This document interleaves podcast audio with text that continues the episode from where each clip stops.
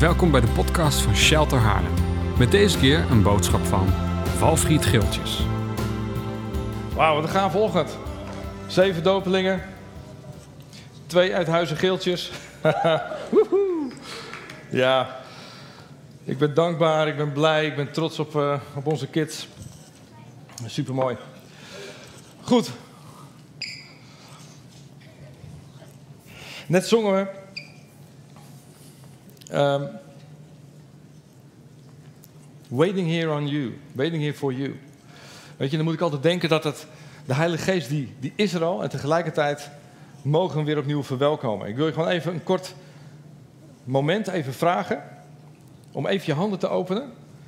En dat, we, dat je heel bewust dat je de Heilige Geest zegt, Heer, komt u maar. Heilige Geest, wilt u komen? Wilt u komen met uw waarheid? Wilt u komen met uw woorden van leven? Heer, u bent hier al en tegelijkertijd verwelkomen we u, Dat u komt op de manier zoals u wil. Heer, raak ons hart aan. In Jezus' naam. Amen. Amen. Ja, het, is een soort feestweek voor ons, zeg maar. We genieten enorm van, uh, van deze week. Twee, twee, van onze lieve kinderen hebben besloten om, uh, dat heb je net gezien, om zich te laten dopen. En dat is fantastisch om, om, om mee te maken. Maar eigenlijk is het verhaal zelfs wat groter. Het is, uh, het is echt een, een mooi getuigenis. En die wil ik graag even kort met je delen. het is zo dat 2019, toen uh, besloot onze oudste zoon, Tobias, die uh, ronde zijn HAVO af en die, uh, en die besloot om een tussenjaar in te gaan. Dat was ook wel nodig, want hij wilde namelijk de politieschool doen. En hij was te jong, dus hij moest eigenlijk wel een tussenjaar. En toen zeiden we, nou prima, hè, mooi dat je een doel hebt. Ehm, maar dat betekent wel dat je een plan moet hebben. Hè? Dus het plan is niet een jaar lekker Netflix kijken, zeg maar. Dat is niet het plan. Dus er moet wel een idee achter zitten voor zo'n tussenjaar. En dat had hij. Dus op een gegeven moment, hij was, uh, hij was thuis en zei, ik, ik ga werken. En dan wil ik over een half jaar, wil ik voor een maand of vijf, wil ik naar New York. Naar Metro World Child. Dat is een bediening van Bill Wilson. En hij, um, het is echt zeg maar, de grootste zonderschool van, uh, van de wereld. Nou, hij, uh, hij ging daarheen. Dat was één dag voor de lockdown. En hij had volgens mij de ene laatste vlucht naar New York. Hij was 17 jaar. En toen zeiden we nog tegen hem, joh, maak je niet druk je komt pas terug in de zomer en dan is alles weer normaal. ja, precies. En uh, je kunt je vergissen. en, en, dan ging hij, en hij kwam gelukkig ook weer terug. Maar het was waanzinnig. God had hem zo enorm aangeraakt in, in, dat, in die paar maanden tijd. Dat hij, dat hij, hij kwam echt terug als een andere, andere persoon, als een, als een jonge man. En, en hij zei eigenlijk, ja, mijn droom om politieagent te worden, die had hij laten varen. Hij zegt, ik weet nu waar God me voor gemaakt heeft. Hij zegt, ik wil naar de plekken waar mensen niets hebben, naar de allerarmste plek in deze wereld. En daar wil ik iets doen. En ik wil ze vertellen over Jezus. Dus ik wil eigenlijk gewoon missiewerk doen en het liefst in Afrika. Hij, hij zegt dus, ik wil eigenlijk nog een tussenjaar doen. Ik wil naar een bijbelschool waar ik getraind word, gericht op missie. En eerst dacht ik, wauw, wat gaaf. En ten tweede dacht ik, is dat wel verstandig? Dus als wijze, verstandige vader, denk je veel. Is het niet misschien handig, je hebt nu één tussenjaar gehad, is het misschien niet handig dat je eerst gaat studeren, dat je dan eerst een diploma hebt en daarna kun je lekker uitvliegen en dan weet je, maar zorg in ieder geval dat je dat papiertje op zak hebt. En dat hebben we ook tegen hem gezegd en ik zat er een beetje mee te stoeien van moet ik nou de wijze verstandige vader zijn of moet ik de aanmoediger zijn om achter het plan van God aan te gaan. Uh, van wat hij ervaarde. En ik was aan het wandelen en ik, ik kwam er niet echt uit en ik... Uh, ik, ik, was er in gesprek mee over God, oh, met, met, met, met, met, met God. Dus ik was er over na aan het denken en, en aan het bidden. En op een gegeven moment moest ik denken aan het principe van tiende. Best een beetje een rare link. Uh, maar het principe van tiende is dat je je eerstelingen geeft. En op je, doordat je je eerstelingen geeft, is de rest zeg maar, van je financiën is geheiligd. En toen schoot het in mijn gedachten dat God tegen me zei van... joh, ben je bereid om je eersteling af te staan aan mij? Ben je bereid om hem los te laten? Want ik heb een plan met zijn leven. En ben je bereid om inderdaad die aanmoediger te zijn? En ik weet nog dat ik dat best even lastig vond. Want eigenlijk mijn verstand zei, het liefst wil ik hem gewoon bij huis houden. En het is misschien niet zo verstandig, misschien moet hij maar die opleiding gaan doen. Maar ik besloot om hem los te laten. En ik besloot inderdaad, en, en, God zei nog iets. Hij zegt, als je hem loslaat, dan zorg ik voor je andere twee kinderen. En um, dus ik heb, dat, ik heb dat gedaan, of we hebben dat gedaan. En, en afgelopen week kregen we een, eh, een, een, filmpje van Tobias. Hij zit nu in Congo. Hij is daar met een festival bezig waar duizenden mensen bij elkaar komen. En hij staat daar in het midden van die groep met een microfoon in zijn hand. En hij staat vol passie en vol vuur te vertellen hoe onder die indruk die is eh, van, van wat God aan het doen is. Dat mensen tot geloof komen, dat mensen bevrijd worden, dat mensen genezen in de naam van Jezus. En hij staat er in het midden. Maar ik, ik, ik wil je even iets vertellen wat deze week gebeurde. Maandagavond kwam Merel naar, naar Maria toe en ze zegt: Mam, ik wil me laten dopen. Dinsdagochtend, ze had nog niks verteld tegen de broer. Dinsdagochtend komt Sam naar beneden en zegt: Pap, ik wil me laten dopen. Ik wil Jezus volgen en ik wil me laten dopen. En binnen 24 uur kregen we dat filmpje van Tobias. En het was voor mij zo'n dikke knipoog. Dat God zei: Weet je nog wat ik je beloofd had? Weet je nog dat als je hem los zou laten, dat ik zou zorgen voor die andere twee? En voor mij vandaag is een, het getuigenis voor mij vandaag, is dat God eigenlijk laat zien van ik ben trouw. En ik kom mijn belofte kom ik na. Weet je, en ik, uh, dat wil ik gewoon graag met je delen, dat je, dat, ja, dat je dit getuigenis hoort. Weet je, en ik, ik geloof ook, het is Vaderdag vandaag. Weet je, en, en misschien, um, jouw verhaal zal ongetwijfeld heel anders zijn. Misschien willen alle vaders even gaan staan, even kort gaan staan. Yes, alle vaders, come on, even staan.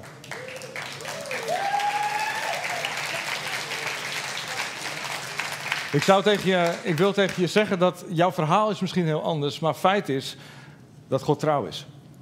Dat hij de beloftes die hij heeft gedaan in jouw leven, dat hij die nakomt. En bij mij is het gelukkig snel gebeurd, in anderhalf jaar tijd. Dat is niet altijd zo. Soms moet je wat langer wachten, maar ik wil je bemoedigen met de waarheid dat God trouw is. Hij heeft je beloftes gedaan en je bent misschien ook wel een avontuur aangegaan met hem. En misschien is het onderweg dat er momenten zijn geweest van twijfel, maar ik, ik bid dat het horen van dit getuigenis, dat het je moed geeft en dat het je hoop geeft. Dat je weet, maar God de Vader is een vader van trouw en hij komt zijn beloftes na. Zullen we deze geweldige vaders gewoon even een applaus geven, gewoon voor wie ze zijn. Yes, jullie mogen weer gaan zitten. Ja. God de Vader had ook een eersteling. God de Vader had Jezus als eersteling. Ineke die vertelde het net eigenlijk heel mooi. Jezus is ons voorgegaan in de dood en in zijn opstanding. En Jezus is eigenlijk de eerste geweest en wij mogen achter hem aangaan. Dus ik ga dat niet herhalen, want het wordt eigenlijk het grappige. Ik had ongeveer dezelfde teksten als, uh, als Ineke.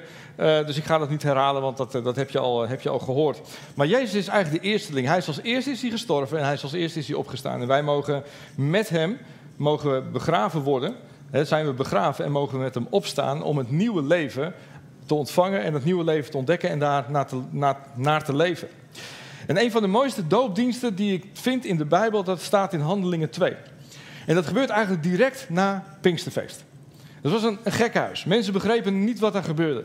De geest had zich uitgestort en er waren allerlei vragen, er waren allerlei mensen van wat gebeurt hier?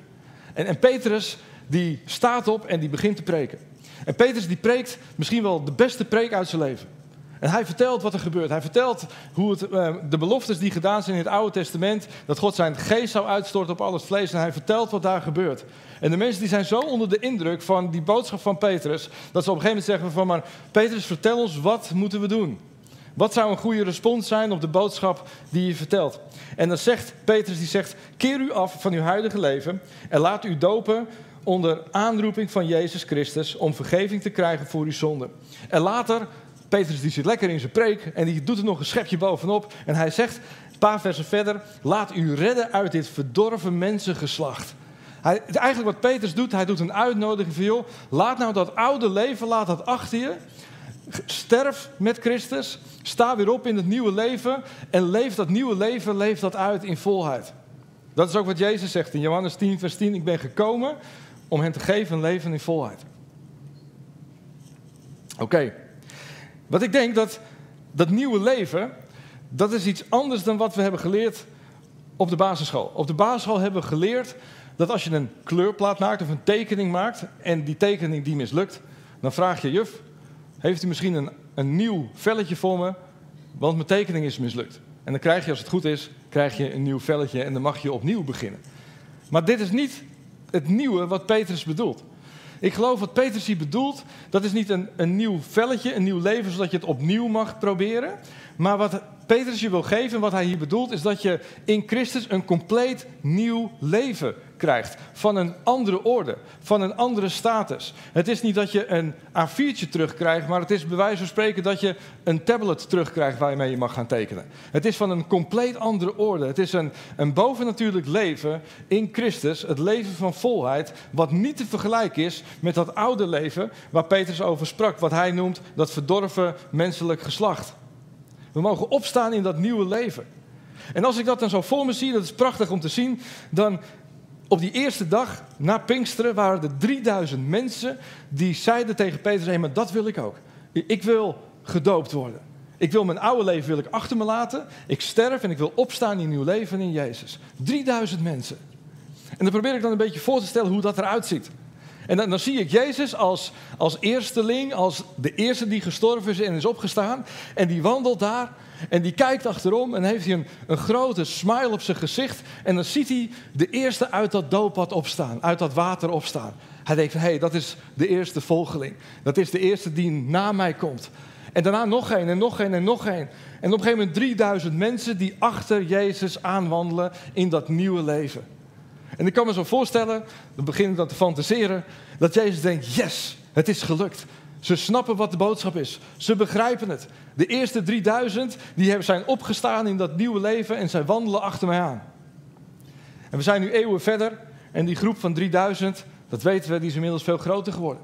Het is een optocht, het is een stoet geworden van miljoenen mensen die achter Jezus aangaan. En hier zit een, een deel van die hele grote groep van mensen die zijn opgestaan in dat nieuwe leven en achter Jezus aangaan. Wat een prachtig beeld. Wat een prachtig beeld, zo'n mega grote stoet achter Jezus aan.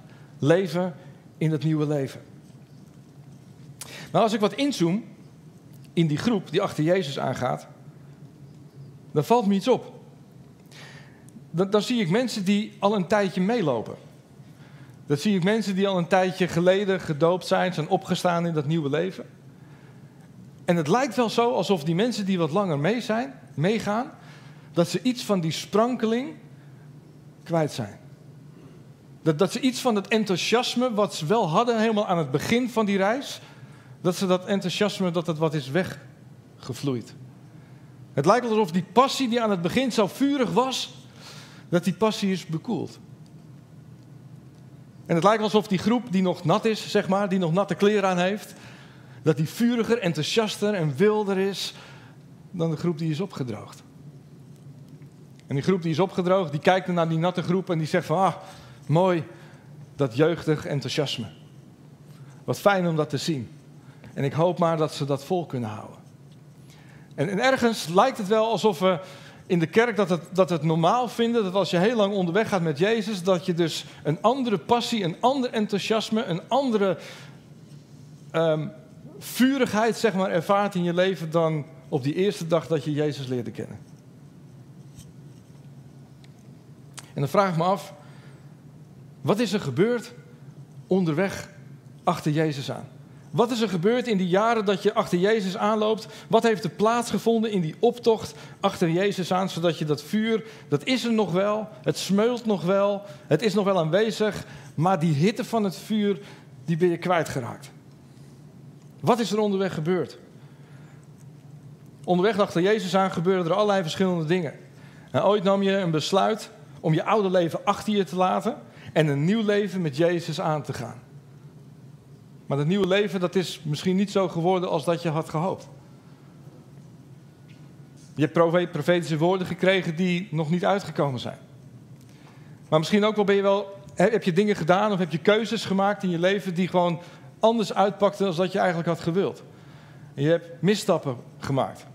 Je bent iemand geworden, je hebt je ontwikkeld tot een persoon waarvan je dacht, ah, zo had ik eigenlijk niet willen zijn. Misschien ben je wel die vader of die moeder dat je denkt, oh, ik, ik had zo graag op een andere manier vader of moeder willen zijn. Maar onderweg achter Jezus aan laten we soms dingen vallen. En kan de schaamte ontstaan over de keuzes die we hebben gemaakt. Die schaamte die zo groot is dat het bijna hypocriet voelt om nog enthousiast te zijn voor Jezus. De feiten die schreeuwen zo hard dat het je eigenlijk aanmoedigt om je maar gedijst te houden. Om maar rustig te blijven. soms lukt het volgelingen niet om dat enthousiasme over dat nieuwe leven vast te houden. En dan heb ik het over hele oprechte, eerlijke christenen. Mensen die echt Jezus willen volgen met hun hart. Die heel oprecht bezig zijn met hun leven. Mensen die ook verantwoordelijkheid hebben genomen voor misstappen die ze hebben begaan. En, en vergeving hebben gevraagd aan, mensen en aan God. En, en, en, ze weten ergens wel van ja, ik ben een nieuwe schepping. En ja, dat nieuwe leven dat is voor mij. En, en ja, ik weet dat ik een rechtvaardige ben in Christus. Dat weet ik allemaal wel. Maar ergens ben ik dat enthousiasme, dat vuur over die waarheid ben ik kwijtgeraakt. Misschien herken je het wel voor jezelf. Dat je het vuur van vroeger, dat je denkt, oh dat lijkt lang geleden. Dat lijkt lang geleden, maar geloof je nog dat het mogelijk is om tot je laatste dag van je leven net zo vurig en enthousiast te zijn, gepassioneerd te zijn voor Jezus en voor dat nieuwe leven als dat je was op die eerste dag dat je Hem ontdekte? Geloof je dat nog? Hallo? Ja toch? Ik hoop het wel. Ik hoop dat je dat nog steeds die verwachting hebt van nee, maar het kan. Die passie die kan nog net zo heet zijn als dat die ooit was. Ik geloof dat het nieuwe leven in Christus, dat dat alleen ervaren kan worden door geloof. Dat nieuwe leven, het opstaan in Christus, het nieuwe leven ontdekken en het uitleven, dat kan alleen ervaren worden door geloof. En weet je wat geloof is? Geloof is vertrouwen. Geloof is vertrouwen. Geloof is een beetje als abzeilen. Ken je dat? Abzeilen. Ik zei in de eerste dienst, ik vertel erover, maar ik heb het nog nooit gedaan. Dus ik heb het van plaatjes. maar abzeilen gaat ongeveer zo. Je staat ergens op een rand van een, uh, van een, van een, een, klif of wat dan ook, iets heel hoogs. En dan sta je, dan zit je vast met touwen. En dan sta je op die rand. En, en, ergens weet je van, ik kan me zo voorstellen dat je weet, oké, ik, ik zit vast aan die touwen. Ik weet dat ze me houden. Ik weet dat het sterk genoeg is. Maar ik weet ook wat de zwaartekracht doet. En dat is het, dat is het spannende. Op die rand staan en je eigenlijk overgeven aan die touwen. En misschien kunnen we mensen die achter Jezus aanlopen, maar eigenlijk hun passie wat zijn kwijtgeraakt, misschien kunnen we die wel wat vergelijken met die mensen die staan op die rand van die klif en die aan het afzeilen zijn. Want met hun verstand weten ze wel van ja, ik weet dat ik een nieuwe schepping ben. Dat weet ik. Ik kan de Bijbeltekst dat noemen. Ik, weet, ik geloof dat Gods woord waar is. En ik weet het. En ik, ik weet dat ik een nieuwe schepping ben. Ik weet dat ik een rechtvaardige ben. Ik weet dat ik vergeven ben. Ik weet dat het goed is tussen mij en God. Maar de feiten over mijn reis achter Jezus aan, die spreken ook boekdelen. En ergens staan ze daar op het punt dat ze zijn gaan twijfelen over zichzelf. Van, ben ik eigenlijk wel geschikt genoeg? En staand op die rand kunnen ze een besluit nemen van oké, ik, ik, ik hou me maar even in. Ik hou maar even mijn mond. Ik, ik, ik neem even gas terug. Want ik heb gewoon niet het leven kunnen leven waar ik eigenlijk voor bestemd ben.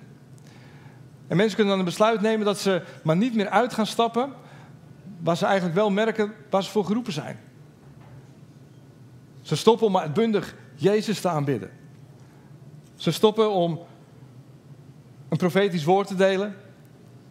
Ze stoppen om deel te nemen aan een activiteit of aan een programma. Ze stoppen met, met allerlei dingen, omdat ze eigenlijk op die rand staan. Ze weten, ja, ik weet het met mijn verstand, maar de feiten over mijn leven, de miskleunen, de mislukkingen, de teleurstellingen, die zijn er ook. En ik geloof dat het leven in volheid, dat we dat alleen kunnen, dat geldt voor ons allemaal, dat we dat alleen kunnen ervaren op het moment dat we de moeite nemen en de, de moed hebben om achterover te gaan leunen. En dat is spannend.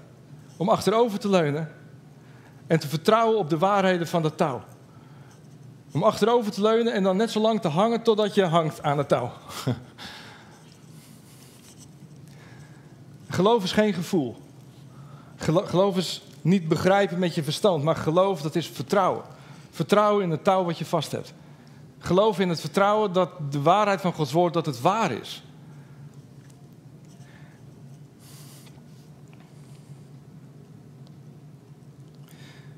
Ik geloof dat als we onze passie weer terug willen krijgen, dat het belangrijk is dat we leren om erin te stappen in geloof. Om onszelf eigenlijk als het ware uit balans te brengen, zodat we gaan hangen aan Gods waarheid. Even heel praktisch, hoe doe je dat? Hoe breng je jezelf uit balans? Hoe breng je jezelf uit balans? Ik, ik geloof gewoon heel praktisch. Ik geloof je brengt jezelf uit balans door weer die dingen te gaan doen waarvan je weet dat je ervoor gemaakt bent, waarvan je besloten hebt om ze niet meer te doen, omdat de feiten over jouw leven, zeg maar, jou overtuigden dat het beter was om het niet te doen, om ermee te stoppen, dat je ongeschikt bent. Ik ga het nog een keer voorlezen, alleen dan op de goede manier.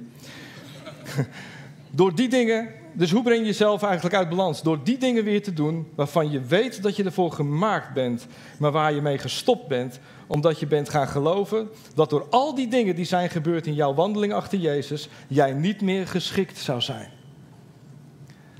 Je hebt moed nodig om jezelf weer helemaal opnieuw te geven. Elke keer weer opnieuw. Weet je dat het helemaal niet nieuw is dat christenen hun passie kwijtraken? Dat is niet van deze tijd. Paulus die zag het ook al. Paulus die benoemt het ook. Hij zegt in Romeinen 12, vers 11, hij zegt, laat je enthousiasme, je passie niet bekoelen, maar laat u aanvuren door de geest en dien de Heer. Paulus herkende het ook. Hij zegt, oh, blijkbaar kan het dus zijn dat mensen die al een tijdje achter Jezus aanlopen, dat, je, dat, dat je je passie kwijtraakt. En Jezus moedigt aan, zorg, of Paulus moedigt aan, zorg ervoor dat je enthousiasme niet bekoelt, maar laat je aanvuren door de geest en dien de Heer. Hij zegt twee dingen. Laat je aanvuren door de Heilige Geest. En daar zit ook een verantwoordelijkheid in van onszelf. Dat betekent dat ik me moet positioneren, zodat de Heilige Geest me ook aan kan vuren. We kunnen wachten totdat Hij voorbij komt en me raakt op een spontaan moment. En die momenten die gebeuren ook. Maar het is belangrijk dat je jezelf in plekken brengt waar de Heilige Geest je weer in vuur en vlam kan zetten. En dat betekent dat je, dat je jezelf op een plek brengt um, waar je dus voor kiest. Door bijvoorbeeld naar een conferentie te gaan. Straks is Awakening Europe in, in Rotterdam. Weet je, als je passie nodig hebt, zorg ervoor dat je erbij bent. Dan ben je met duizenden mensen bij elkaar en je zal getuige zijn dat er honderden een keuze maken voor Jezus. Dit is gewoon een voorbeeld. Maar positioneer jezelf in een plek dat God je weer kan raken. Zorg ervoor dat je hier op zondag bent. Het is fijn dat je meekijkt op livestream. En God kan je ook raken via livestream. Maar ik geloof dat het goed is dat je jezelf positioneert in een plek dat God je weer kan raken. Pak weer eens dat boek op waarvan je weet van, oh, dat heeft me zo geraakt in het verleden. Dat heeft me zo veranderd. Pak het weer eens op en ga het weer eens lezen. Ga eens naar iemand toe waarvan je weet van, hé, hey, ehm, die heeft een bediening. Ik noem Klaas van Denderen. En vraag van, hé hey Klaas, mag ik een keer een dag met je mee? Ik wil gewoon eens zien hoe God jou gebruikt. Ik weet zeker dat je aangevuurd en gepassioneerd weer terugkomt. Maar positioneer jezelf op een plek, zodat de Heilige Geest je weer aan kan raken. En dat is niet passief, maar dat is een actieve houding van eigenlijk niet wachten, maar verwachten dat de Heilige Geest komt om je opnieuw weer aan te vuren. En het tweede wat hij zegt, dien de Heer. En eigenlijk, als ik het even in mijn context kan plaatsen van mijn boodschap, dien de Heer. En die vertaal ik even met, breng jezelf uit balans. En ga die dingen weer doen waarvan je weet dat het in, je, in het verleden dat het je zoveel passie en blijdschap heeft gegeven. Ga die dingen weer doen waarvan je weet, oh, maar ik heb hier, ik heb hier zoveel plezier aan beleefd. Sommigen hebben hun gitaar letterlijk ergens in een hoek gezet en nooit meer aangeraakt, omdat ze denken van ja, dat was toen. Ik geloof dat dit woord ook voor iemand is. Dat je in het verleden, dat je momenten had met God, samen met je gitaar. En soms met anderen om je heen, maar het was een heel klein groepje. Maar je denkt, oh dat was voor toen, toen je nog enthousiast was. Weet je, maar belangrijk dat je, dat je het weer op gaat pakken. Dat je de Heer weer gaat dienen, dat je weer in beweging komt om die dingen te doen waarvan je weet dat God je ervoor gemaakt hebt, namelijk in dit geval om Hem te aanbidden. Het is belangrijk dat je die dingen weer gaat doen waarvan je weet waar God je passie voor heeft gegeven. Sommige mensen hebben zichzelf op mute gezet of hebben zichzelf geannuleerd. Maar je bent bestemd om aan te staan. Je bent bestemd om de Heer te dienen. En als je dat doet, dan ontdek je dus dat je dus als je ervoor kiest om eigenlijk die schroom van je af te gooien, die teleurstelling over jezelf, of misschien wel over God, om dat van je af te gooien, en je hebt de moed om achterover te leunen en jezelf weer te geven, wat ontdek je dan? Dan ontdek je dat God eindeloos dichtbij is. En ontdek je dat Gods passie voor jouw leven nog net zo groot is als de eerste dag op het moment dat je uit het watergraf opstond. En ontdek je dat Hij je nog veel meer wil geven dan dat je nu nog hebt, ooit hebt meegemaakt. Je ontdekt zoveel nieuwe dingen. Je ontdekt dat het leven in volheid, dat het nog net zoveel aanwezig is en dat je het mag ontdekken. En je ontdekt dat dan opeens meer die passie begint te groeien. Dat je enthousiasme begint te groeien. Vol, waarom? Omdat je onder de indruk bent dat God je niet geannuleerd heeft. Dat God je niet gecanceld heeft. Maar kom weer opnieuw in beweging. Pak die dingen op. Dien de Heer weer opnieuw. En pak die dingen op. Doe die dingen waarvan je weet dat God je ervoor gemaakt heeft. God is eindeloos dichtbij. Hij is eindeloos dichtbij. Ik vind het zo'n mooie zin. Hij is eindeloos dichtbij. Op het moment dat je je achterover laat vallen, dan kom je in de handen van God terecht. Handen vol van genade. En het is zijn genade die het voor jou mogelijk maakt om dat leven, dat nieuwe leven in volheid, om dat uit te leven.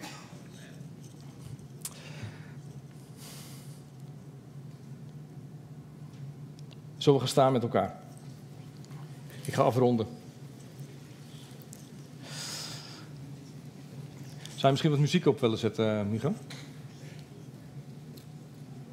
Dank u, Jezus. Hmm. Weet je wat ik voor me zie? Dat is een kerk met gepassioneerde volgelingen van Jezus. Dat is een kerk die achter Jezus aan gaat met enthousiasme, met vuur. Dat is een kerk die in staat is om, ondanks allerlei omstandigheden, door foute keuzes die we hebben gemaakt, maar die elke keer weer opnieuw de keuze maakt om die schroom van zich af te gooien en jezelf opnieuw te geven aan God. Zeggen, Heer, ik werp mezelf in uw handen. Want ik vertrouw erop dat uw waarheid over mijn leven, dat het waar is. En dan ontvang je, dan ontdek je dat God eindeloos dichtbij is. Dat hij opnieuw zijn genade wil geven. Ik zie een kerk voor me die ondanks hun misslagen, tekortkomingen, hun schaamteloze besluiten, de schroom van zich afgooien en weer gaan doen waar God ze voor gemaakt heeft. Ga weer doen waar God je voor gemaakt heeft. Ga weer doen waar God je voor gemaakt heeft. Dien de Heer. Dien de Heer. Het is niet zomaar een opdracht van Paulus. Het is dien de Heer. En op het moment dat je dat doet, dan groeit je passie, dan groeit je enthousiasme. Dank u, Jezus. In mijn voorbereiding zag ik drie groepen. Ik zag een groep die teleurgesteld is in zichzelf. Ik kreeg van de week een mailtje van iemand en zij vertelde, weet je, heel veel preken die ik hoor, ze zegt ik, ik snap het, ik begrijp het. Ik, ik, ik snap wat je bedoelt. Maar ik heb het heel lang niet kunnen pakken, zei ze. En toen zei ze, weet je waarom? Omdat er diep van binnen zo'n enorme zelfhaat zit over wie ik ben. Ik heb mezelf zo geannuleerd. Ik heb mezelf zo gecanceld. Ik heb zelf zo'n kruis op mijn mond gezet van mijn tijd is voorbij. Waarom? Gewoon door misstappen. En eigenlijk wat zij nodig had, en dat heeft ze ontdekt, dat ze de moed heeft om zich weer opnieuw aan Jezus te geven. Ze zegt, Heer, ik gooi hem in uw handen. Uit vertrouwen, in geloof. En ik kom weer in beweging en ik ga weer die dingen doen waarvan ik weet dat God me heeft gemaakt. De eerste groep, dat is een groep die ik voor me zie die teleurgesteld is in zichzelf. Misschien zelfs wel zelfhaat. Dat je zelf de mond hebt gesnoerd. En God wil je aanmoedigen om die schroom van je af te gooien. Weet je, als dit voor jou is, wil ik even vragen, wil je, je hand even opsteken? Yes. Oké, dankjewel. Dank u, vader. Ik wil gewoon voor je bidden. Voor degene die hun hand hebben opgestoken. Ik zegen je. Ik zegen je met vrijmoedigheid en ik bid dat je de moed hebt om jezelf achterover te werpen, om jezelf uit balans te brengen. Dat je ondanks die, al die teleurstellingen die misschien feiten zijn, die schreeuwen, zeg maar, tegen jou. En zo overtuigend kunnen zijn. Maar de waarheid is dat jij een zoon bent. Dat je mag leven in die vrijheid, dat je mag leven in dat nieuwe leven waar Jezus voor gekomen is. En willen je aanmoedigen, gewoon als gemeente willen je aanmoedigen om jezelf weer opnieuw te geven aan Hem. In Jezus' naam. De tweede groep die ik voor me zag, dat zijn vaders en moeders. Ik dacht eerst vaders, maar moeders mogen ook meedoen. Dat je ergens niet de vader bent die je graag zou willen zijn. Dat je op het moment dat je vader werd en je had dat kleintje op je arm, dat je dacht, ach, zo wil ik het doen, zo ga ik het doen. Maar door de jaren heen is het anders geworden dan je dacht. En ergens heb je jezelf teruggetrokken. Als het voor jou is, misschien wil je hand opsteken. Je hebt je moed voor nodig. Dat snap ik. Dankjewel. Dankjewel. Ik zegen je. Ik zegen je met vrijmoedigheid. En ik verbreek de leugen van perfectie over je leven. Ik verbreek de leugen van perfectie over je leven. Want je bent niet gemaakt om perfect te zijn, maar je bent gemaakt om glorieus te zijn. En dat is iets wat God je geeft en wat je ontvangt vanuit genade. En ik zegen je met zijn bovennatuurlijke genade op dit moment dat je in staat zult zijn om dat leven in volheid te leven waar je voor bedoeld bent. In Jezus' naam. Dank u, Vader. En de derde groep die ik voor ogen had is dat, er, dat je weet dat je besproken bent. Dat je weet dat je ter discussie staat, stelt. Dat je ter discussie wordt gesteld. Dat mensen over je discussiëren. Omdat je keuzes hebt gemaakt, omdat je dingen hebt gezegd of hebt gedaan waar mensen over praten. Maar dat kan je verlammen. Het kan je ervan weerhouden om weer helemaal radicaal God te dienen. Het kan ervoor zorgen dat je jezelf terugtrekt. Als dat voor jou geldt, zou je hand even omhoog willen steken. Dank u, Jezus. Dank u, Jezus. Ik zegen je. Ik zegen je met vrijmoedigheid. Ik, ik zegen je dat, je dat de stemmen die tegen jou klinken, de woorden die zijn uitgesproken, dat ze je ene oor in zullen gaan en je andere oor uit zullen gaan. En dat je met je geestelijke oren zult horen de woorden van leven, de woorden van waarheid. Dat je een zoon en een dochter bent. En dat God een hoopvolle toekomst voor jou heeft. En dat je werkelijk opnieuw mag leven in dat leven van volheid. In Jezus' naam. Dank u, Vader. Heilige Geest, ik wil u vragen, wilt u komen, hier op dit moment? Dank u, Jezus. Wil je vragen, misschien wil je handen openen.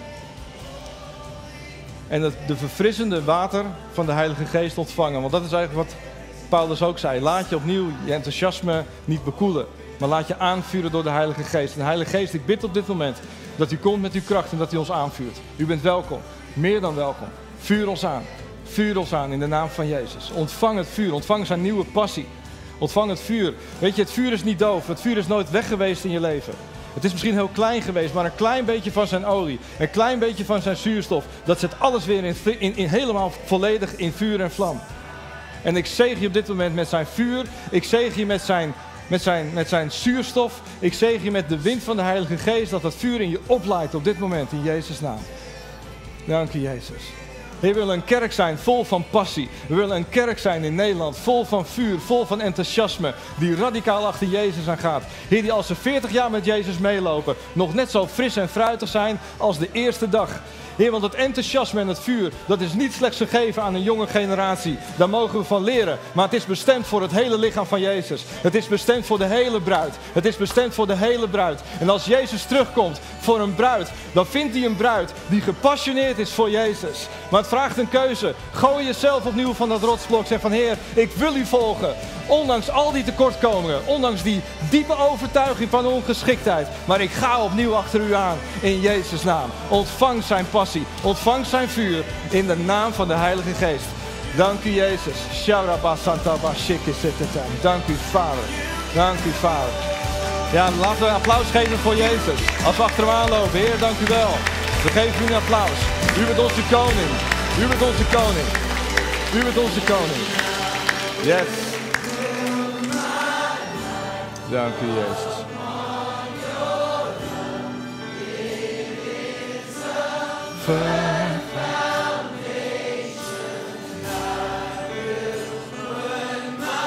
Jezus, we papa Santa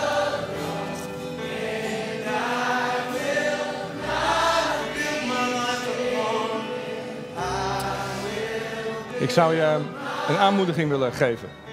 Een uitdaging. Mag iets zachter? Uh, ik, zou, ik zou een uitdaging mee willen geven. misschien is datgene waarvan je weet, wat God jou voor gemaakt heeft, misschien is dat nu direct toe te passen. Misschien is het nu direct inderdaad uitvoerbaar. Dus oh ja, dit heb ik laten liggen. Dan wil ik je aanmoedigen om daar direct iets mee te gaan doen. Nog voordat je dit gebouw verlaat, dat je zegt: Oké, ik ga er weer voor. Ik, ik, ik ga er weer voor. Ik, ik ga datgene waarvan ik weet waar ik voor gemaakt ben, ga ik weer opnieuw doen. En als het niet hier thuis kan, doe het dan vanmiddag. Of doe het dan morgen of van de week. Maar kom in beweging. Dank voor het luisteren naar onze wekelijkse podcast. De missie van Shelter is Gods Koninkrijk zichtbaar maken in onze wereld. Wil je onze gemeente financieel ondersteunen in deze missie? Ga dan naar www.shelter-haarlem.nl geven.